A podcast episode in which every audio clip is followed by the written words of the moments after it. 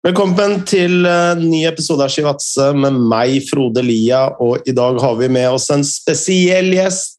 Simon Mesfin fra Lillestrøm. Velkommen, eh, Simon. Takk for det, Frode. Eh, min kompanjong Tor Christian han er og spiser brød med ost i Georgia. Så i dag blir det bare oss to. Ja, men det er jo hyggelig nok, det.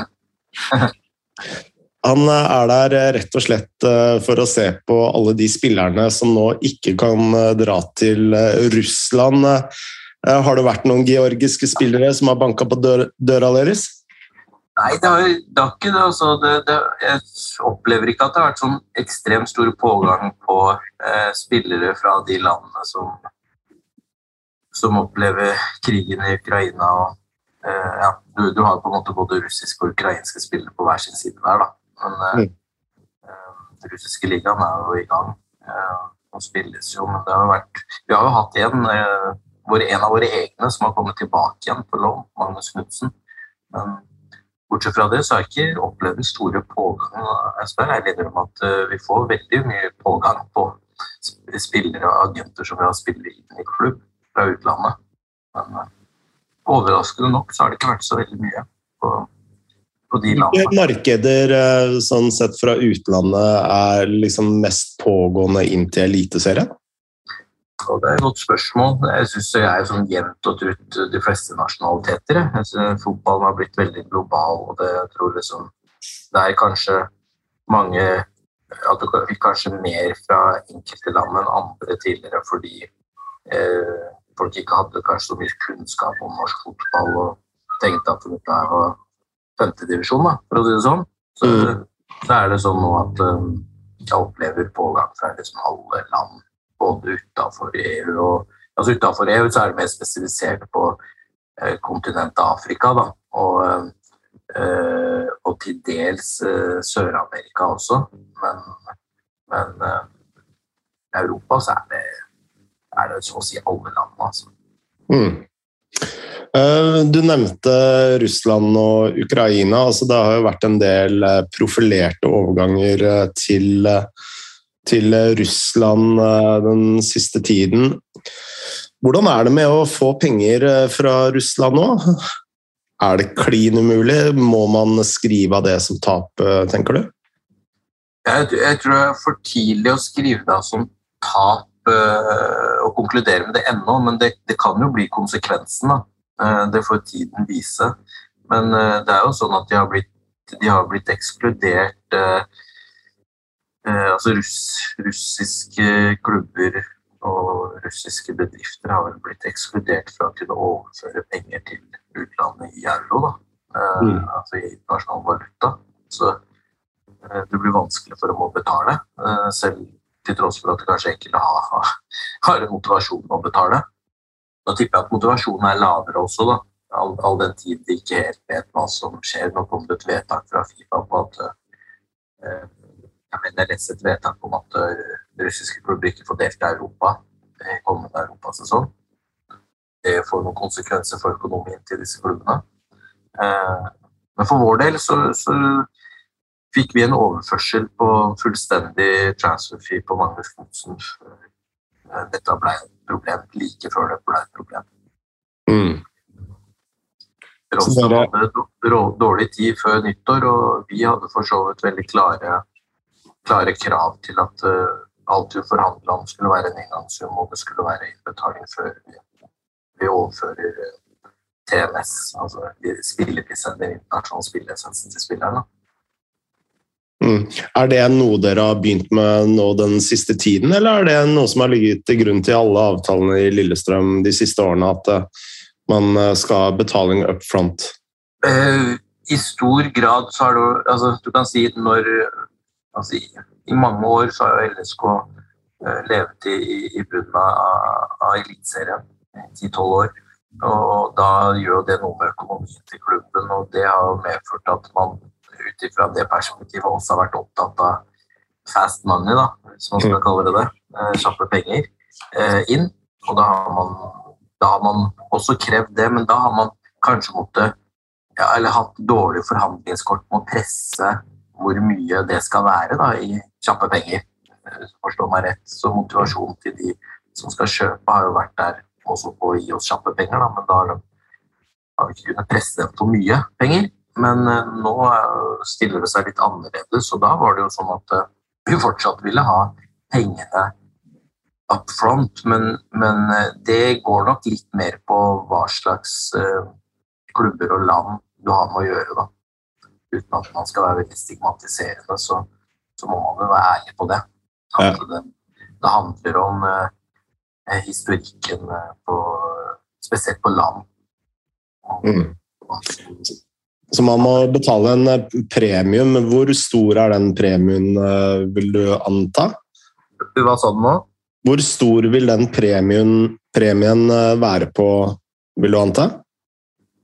På øh, overgangssum? Ja, altså det å Si du betaler en premium da, for å få pengene eh, raskt overført. Ja. ja, ja. Man må være litt mer smidig. Ja, ja, altså hvor mye du egentlig må gå på akkord med for å få penga up front. Eh, riktig. Ja, det, det, det, vil man jo nesten aldri helt vite. Noen ganger så veit man det fordi du ser, du ser, noen tall på hva man er villig til å betale i avdrag. da. Mm.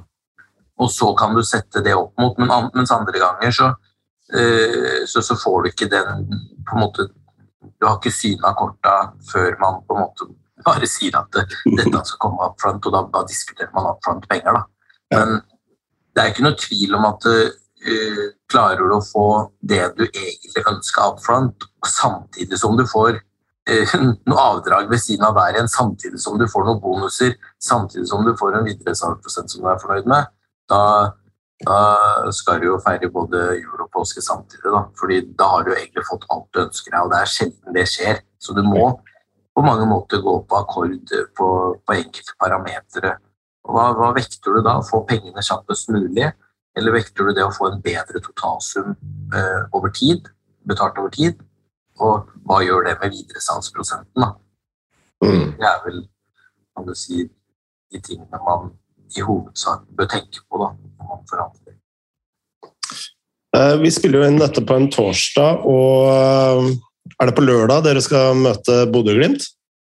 Nei, det er på søndag. På søndag. Det er på søndag. Ja. Uansett, dette blir jo et uh, toppoppgjør. Ja, det blir jo det. Uh, og uh, vi hadde en episode hvor vi snakka om dette med at et nedrykk kan virke forløsende. Og så tenkte vi på Lillestrøm, som går da rett fra å rykke ned i 2019. Starter 2020 også ganske dårlig, og så er det bare en oppoverrakett. Eh, og dere leder jo nå Eliteserien. Eh, hvis vi går tilbake til 2019 eh, hva slags grep var det dere måtte ta da for å rigge dere for å ende der dere er akkurat nå?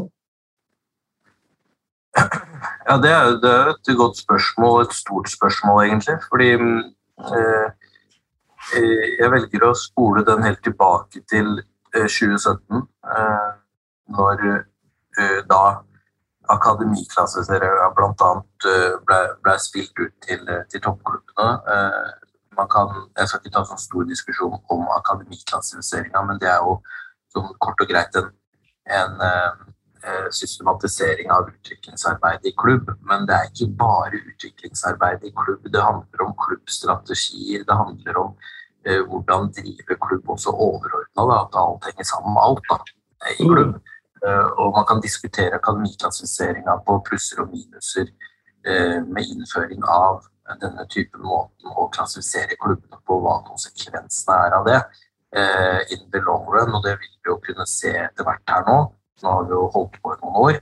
Men i 2017 så ble den, det klassifiseringssystemet etablert, og vi eh, Jeg tok vel over sommeren 2017 og var jo klar over at eh, Som sportssjef så var jeg klar over at vi antageligvis kommer til å komme veldig dårlig ut av en sånn førstegangsklassifisering i, i slutten av 2017. Eh, eh, mye på grunn av at eh, altså, Ikke på grunn av at LSK var kan si, på godt norsk ræva i utviklingsarbeidet, men man hadde kanskje ikke systematisert det godt nok og, og, og, og satt i en systematikk som skal på en måte gjennom systematikken skal skape god utvikling. Da. Det var mer kanskje erfaringsbasert med, med dyktige trenere på enkelte årganger. Eh, og spillere som kan du si tok av egenansvar for egen utvikling. Eh, når, da vi så det, eh, så var det veldig greit det, å se seg sjøl i speilet og si at dette er ikke godt nok. Um, og da begynte man å bruke en del, god del ressurser, både økonomiske og menneskelige ressurser, på, på å få systematikken opp å stå, ikke bare i utviklingsarbeidet, men i A-lagsarbeidet og i, i, klubbarbeidet, og helt fra toppen av styrenivå og ned til trenernivå og spillernivå. Eh, på alle trinn i klubben.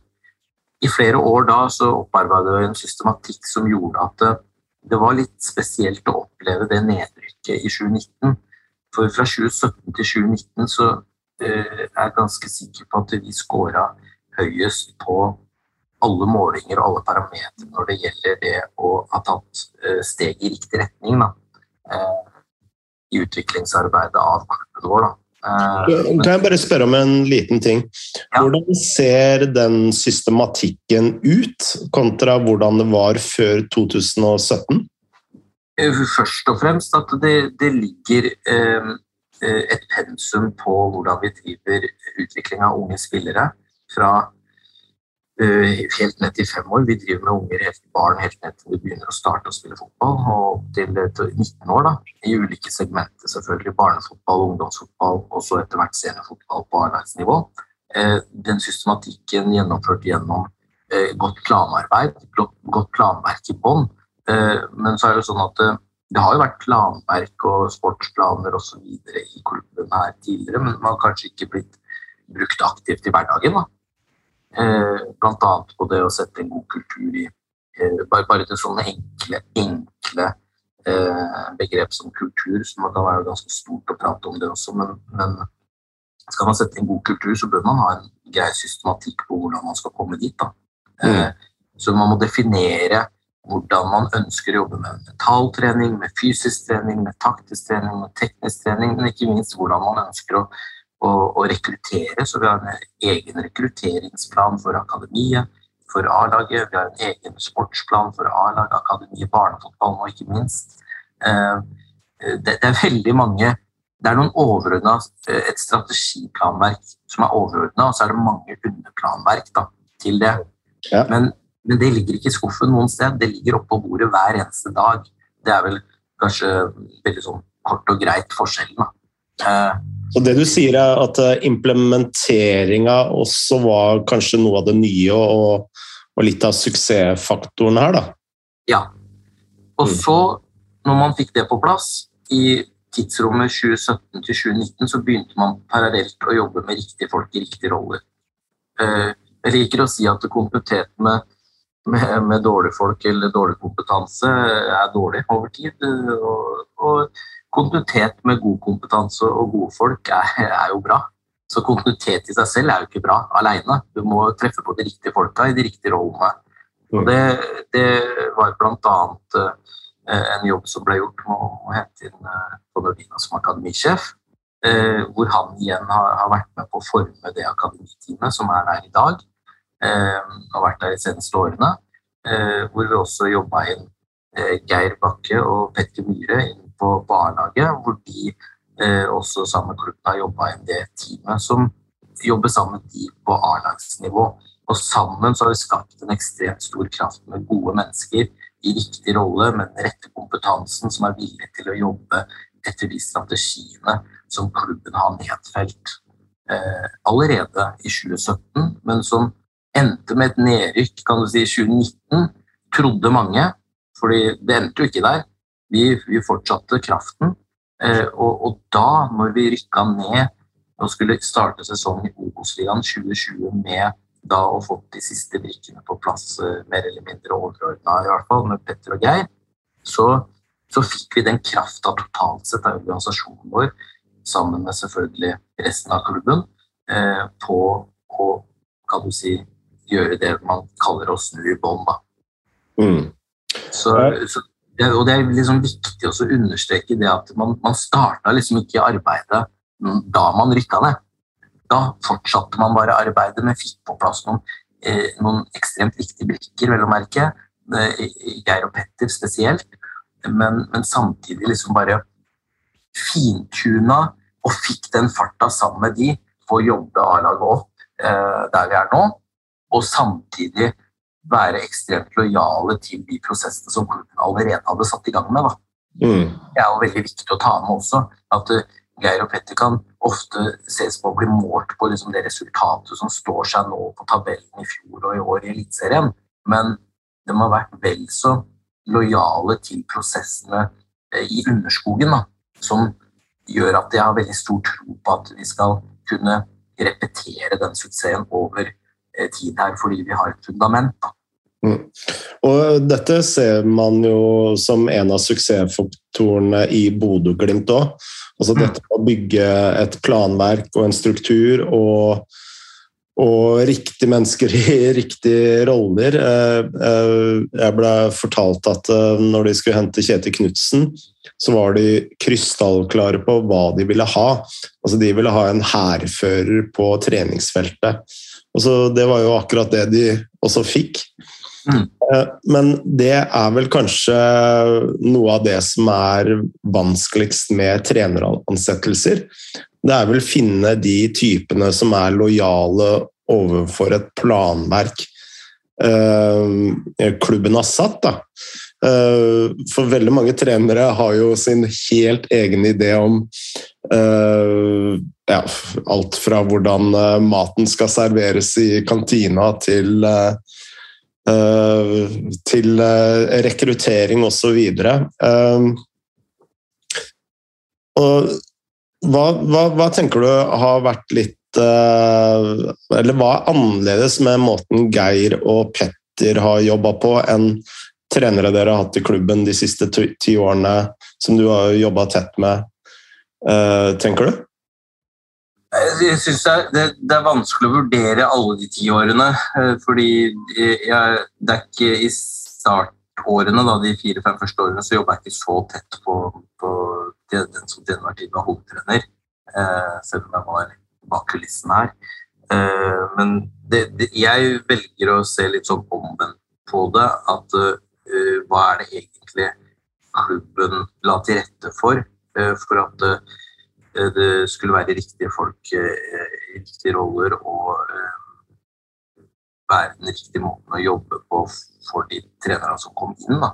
Fordi det er klart at én En ting er hvis du på en måte ansetter på en mismatch med hva strategien til klubben er, men, men, så kan man jo diskutere hva til enhver tid hva har strategiene vært. Det, det er litt diffus for meg også, som på en måte har vært i klubben. Mm. Uh, det, det, tror jeg handler litt også om at man, uh, man må ikke glemme de utfordringene som har vært i LSK i 10-12 år da, uh, før dette her. Det er at det har vært veldig nedskalert økonomi og lavere og lavere ressurser for hvert år.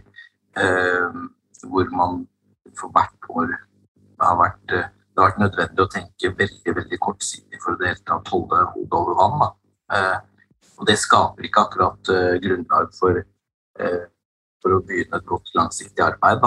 Eh, Utfordringa har vel vært også for LSK at man, så lenge man har vært i Eliteserien, var det vel 45 år i strekk, hvis ikke jeg husker feil, så blei det også en sånn klam hånd over det hele. da, at eh, jeg tror det var mange mennesker som kom inn her i klubben som trenere og, og andre type spesielt sportslige ansatte, som, som, gjerne ikke ville være den som satt i stolen eh, dersom LSK skulle rykke ned. Da. Og det, det, skaper heller ikke noe godt grunnlag for langsiktig arbeid. Da. så, så, mange utfordringer, og jeg, jeg, har ikke lyst til å eh, skylde på enkelte trenere eller enkeltfolk, egentlig. Jeg tror det er liksom hele jeg tror det er veldig mange mennesker som har vært involvert i Lillesund sportsklubb, som på en måte har prøvd å gjøre det beste for Lillesund sportsklubb til enhver tid. Men eh, det har vel kanskje ikke vært eh, nok styringsdokumenter som, som på en måte eh, man kan lene seg på med tanke på å gi deg en veiviser på hvordan man skal jobbe. Da. Mm. Eh, det har nok vært den største utfordringa, etter mitt syn. Eh, Ja, jeg tenkte ikke egentlig på å, å drive blame game her. Nei. Men eh, jeg tenker jo at eh, det hadde vært interessant å høre om Geir og Petter har, altså, gjør Ja. noe eh, spesielt som man ikke kanskje har sett eh, tidligere, uten at kanskje det har hatt en effekt. eh. Eh, Geir slår meg eh, som en type som er Altså, Eh, altså Helt klart en bestemt uh, trener, men han uh, slår meg mer som en uh, mer inkluderende trenertype enn kanskje dere har hatt på Åråsen tidligere. da. Eh, det, det er helt riktig, det. Og han eh, Det er klart at jeg var ganske tydelig på at eh, hvem som var nummer én for oss, eh, så fort det var en Man visste at det kunne være en brøkdels mulighet for å, for å hente den beste hovedtreneren man kan hente for LSK. Eh, eh, og så visste jeg jo gjennom eh, kjennskap til Geir fra tidligere jeg hatt som spiller sjøl også, når jeg var ung spiller i en lokalklubb her i Skjetten. Så, så visste jeg jo også at hans relasjon med Petter, og kanskje også Petters tanker om å komme tilbake til trenergjerningen sammen med Geir, da, og kanskje også spesifikt også i LSK, eh, lå der som en eh, kan du si en, en liten sånn drøm eller visjon da, eh, for de også. Eh, Så, så det å, å få inn de eh, var jo var jobb selvfølgelig som måtte gjøres, men det var, var sammenfallende med timinga for alle. da, Både for LSK som klubb og dem som enkeltpersoner. Eh, Og når de kommer inn, så, så er de med på eh, skape den krafta på hvordan utvikle klubben. Ikke bare eh, enkeltspillere og lag, eh, A-laget. Eh, For de har gjort en fantastisk jobb med å endre spillfilosofien. Grunnleggende kan du si, spillprinsippene som, som LSK har vært kjent for gjennom mange, mange, mange år, har blitt modernisert. Og vi har, vi har blitt et moderne fotballag som, som kan vinne fotballkamper, men samtidig fasilitere for god spillerutvikling da, mens vi gjør fotballkamper. Det er jo eh, hårfin balanse. Mm. eh, det, det har de gjort en kjempejobb på sammen med det teamet vi har, bygd sammen eh, rundt dem. Men eh, det er jo det at de er utrolig gode mennesker. Da. Eh, det er jo det at de eh, jeg, jeg, er veldig, jeg var, og er fortsatt selvfølgelig, veldig veldig trygg på at vi kommer til å hente inn trenere som, som er gode mennesker, som ønsker å jobbe sammen med klubben, eh, med, med alle avdelinger, med medieavdelinga, med markedsavdelinga, med driftsavdelinga eh, osv. osv. Eh, det er utrolig viktig, mener jeg, at man når man skal rekruttere trenere, finner kompetente, fagkompetente gode trenere, men det må være folk som ønsker å jobbe sammen med folk. Eh, Mm.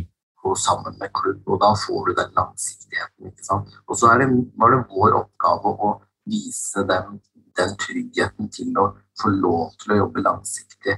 Derav så eh, var det veldig revolusjonært, vil jeg si, til LSK-være å tilby Geir en femårskontrakt. Eh, hvor du viser stabilitet. For hvis du sier til en trener at han skal eh, eller til at de skal jobbe med spillerutvikling over tid, hovedtreneren vet at han blir målt på resultater, da er det veldig vanskelig for en trener som får en toårskontrakt å, å, å få beskjed om å jobbe med en 16-åring som kanskje ikke blir god før om tre-fire år. Ikke sant?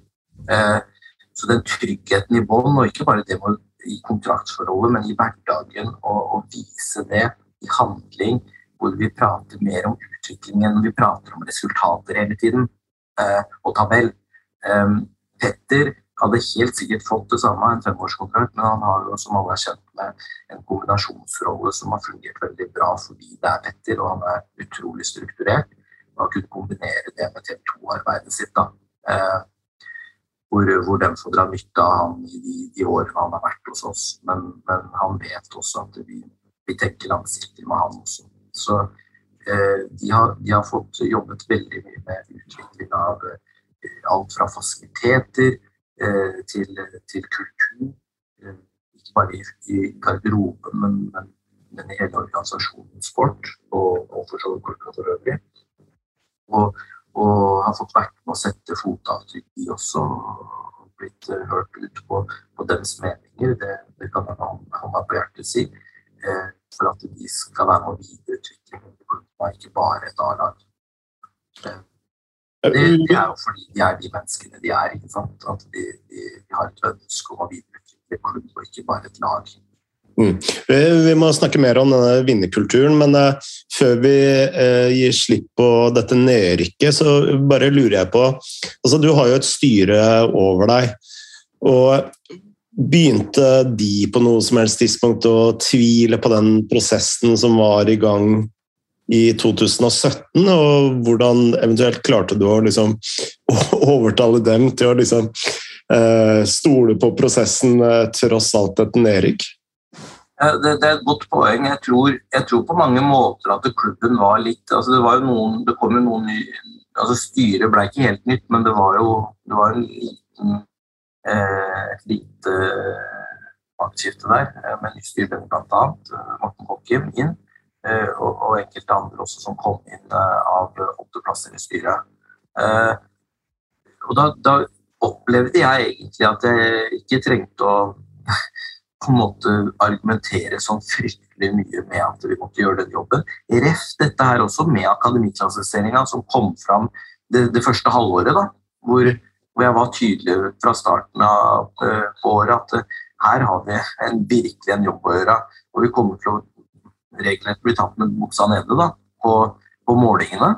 Og det, det, var på en måte med på å tydeliggjøre bildet, men jeg opplever at det, det ikke var kun bare var derfor jeg opplevde at det var en modenhet til styret til å begynne å tenke langsiktig. Da. Uh, uh, uten, altså, igjen, uten til forkleinelse for folk som har sittet i styret tidligere. For det, det har uh, på et eller annet tidspunkt, så når du tenker kortsiktig, kortsiktig, kortsiktig, kortsiktig, så ser du også at det, det, det, det er ikke noe fasit for å gjøre det bra da, og for å skape suksess. Det er bare en fasit for den innimellom å klare å holde hodet over vannet. Så noen ganger så må man tørre å bare gå i 100 på det langsiktige, og så får konsekvensen være at det, ja, det kan hende man rykker ned da, i mellomtida, mm. men da kan det hende at man bygger seg sterkere over tid. Da. Og det var jo egentlig det som skjedde når det rykka ned i 2019, uten at vi, vi, vi, vi styrte det jo ikke til et nedrykk, for all del. Det gjorde vi ikke, men det skjedde. Eh, og det, og det kunne hende at vi kunne brukt litt mer ressurser i 2019 på å redde skuta, sånn som man på en måte alltid har gjort. Men man jobb, brukte ressursene fordelt på, på mye på framtid. Spesielt gjennom å, å øremerke eh, en god del mer ressurser på akademiarbeidet, som vi visste at vi ikke kom til å få resultater på dagen etter, men kanskje mm. Om to år, om tre år. Og det ser vi jo nå den dag i dag, at vi har veldig mange egenutvikla spillere som spiller og som er i troppen. Så vi har begynt å høste fra de epletrærne vi vi sådde i 2017. Mm. Eh, eh, du snakka litt om eh, vinnerkultur, eller kultur. Og når fotballeksperter har snakka om Lillestrøm, så har de snakka om at den gode, gamle Lillestrøm-kulturen er tilbake. Mm. Og så er spørsmålet på meg så virker det som om dere har gjort noe veldig enkelt og noe veldig vanskelig. Altså Hvis du skal forklare det veldig enkelt, så kan du jo nærmest bare se disse videoklippene som verserer rundt med Gjermund Aasen som piffer opp gutta både i garderoben og på banen. Og så har du jo det kompliserte bildet da, med alle de andre menneskene som ikke er med på disse videoklippene. og og hvordan har dere fått til en god kultur? Og da tenker jeg først og fremst inn mot A-laget. Eh, det er jo der eh, vi eh, begynte å gjøre en grep etter at vi etablerte Utviklingsarbeid Akademi. Så begynte vi å gjøre en grep, konkrete grep eh, ut fra eh, en strategi da, eh, på hvordan vi skulle revitalisere A-laget vårt. Da. Den den starten eh, kan man si at det starta da Geir og Petter kom inn. sammen med de eksisterende menneskene i trenerteamet. Og vi oppretta stillinger, bl.a. en mentaltrener i, i personutvikler, som vi kaller det, i Mette Rosland. Og så engasjementet litt på analyse. Så vi, vi, vi bygde opp et team som også skulle i bredere grad støtte opp under de to trenerne. Um, Geir og Petter har vært med på å, å bygge en kultur ut ifra hvordan vi sammen har satt sammen spillertroppen. Og da er jo selvfølgelig én nevnt allerede, Gjermund Aasen. Men det var en helt bevisst valg når vi rykka opp, f.eks. At vi henta Helland Aasen for å hjelpe oss å drive den kulturen. Men før det så gjorde man noen grep selvfølgelig på hvordan man ønska at en arbeidshverdag skal være i LSK fra, fra 8 til, til 4, nærmest. Ni 9 til 4. Eh, hvor vi ikke bare har halvannen time trening, frokost, lunsj, og så er det ha det bra klokka ett. Men gutta jobber her med analysearbeid, med ekstraarbeid, ekstratrening. Eh, sosialisering, legge til rette for at fasilitetene som vi nå har pussa opp på, på gamlesida over garderobeanlegget vårt, er tilpassa for at spillerne ønsker å sosialisere seg. Og gjennom det skape en kultur hvor alle jobber sammen til enhver tid, snakker fotball sammen hele tiden, men også har det veldig bra sammen. Eh, eh, og det er jo på en måte sånn veldig kort fortalt det man ser eh, i, i, noen eh, sekvenser her med den, eh, det som ender opp igjen å gå fra en overlevelseskultur til en vinner, vinnerkultur. Mm. Uh, vi begynner å gå tom for uh, tid, uh, Simon, men sånn avslutningsvis så får vi veldig masse spørsmål fra våre lyttere om hvordan man blir enten speider eller sportsdirektør. Har du noen tips til våre lyttere? Jeg får mange spørsmål om det sjøl. så Det, det, er hyggelig. Jeg prøver å svare ut de fleste. Men, men det er, dette har sikkert TK fått spørsmål om mange ganger også. ikke sant? Og det, det, er jo vanskelig å gi en sånn fasit på veien videre. Det, den, den, klassiske veien på å bli sportssjef eller scout, det er jo at man gjerne har spilt på toppnivå sjøl, og så liksom blir man slusa inn i en eller annen rolle. Da. Men mm. eh, så er det jo, ser man jo flere og flere som etter hvert sånn som meg også, som for så vidt har spilt fotball, men ikke på øverste nivå, um, jobber seg sakte, men sikkert inn i de ulike rollene. Da, via via uh, ulike roller, og, og, kanskje via ulike klubbnivåer osv. Så, videre, så det gjelder egentlig også å prøve å, um, å um, komme seg inn i en klubb på en eller annen måte, på et eller annet nivå, og begynne å jobbe derifra og skaffe seg erfaring. Eh, og, og hele tida være opptatt av å relasjonsbygge og eh, ikke bare for at man skal få åpna noen dører, men også for å lære. Eh, som gjør at man plutselig får åpna noen dører da, inn i toppfotballen i de ulike rollene. Jeg tror det er veldig vanskelig for eksempel, å gå inn i en, en ting er å være en scout på et lavere nivå i en klubb, men å være en sportsdirektør eller å bli en sportsdirektør, det, det er veldig få roller.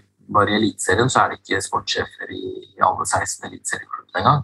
Så eh, det er veldig snevert, og det er veldig vanskelig for en klubb å ansette noen kan du si, hjermetegn rett fra gata òg. Så eh, jeg tror det, det, handler veldig mye om troverdighet og tillit og kompetanse før man blir ansatt i en slik rolle.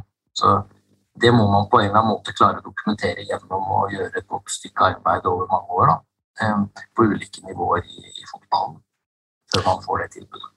Ja, og så krever vel kanskje den rollen Du snakka om akademiklassifiseringen, som handler veldig mye om struktur, rapportering og implementering. så man det holder vel ikke bare å være en tidligere spiller lenger i, i den rollen der. Altså det, er, det, det, krever nok eh, mye, mye mer.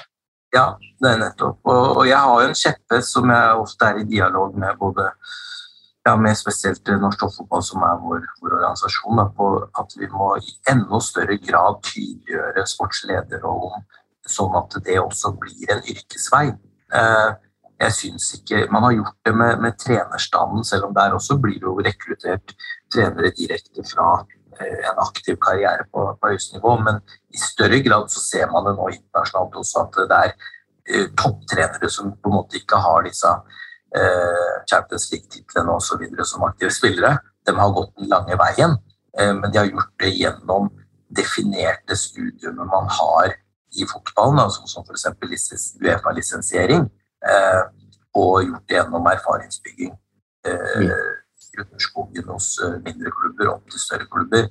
Det er, en, det er på mange måter en, en yrkesvei da, for trenerne, men for sportssjefene, sportsledere og sportsdirektører så er det ikke noe tydelig yrkesvei, og det er ikke noe lisensiering. Så det er nesten i utgangspunktet kan du ansette noen rett fra gata.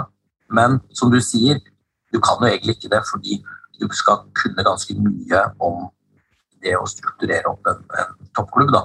Så du, du, vil jo bli tatt med buksa nede da hvis du blir ansatt rett fra gata uten den kompetansen.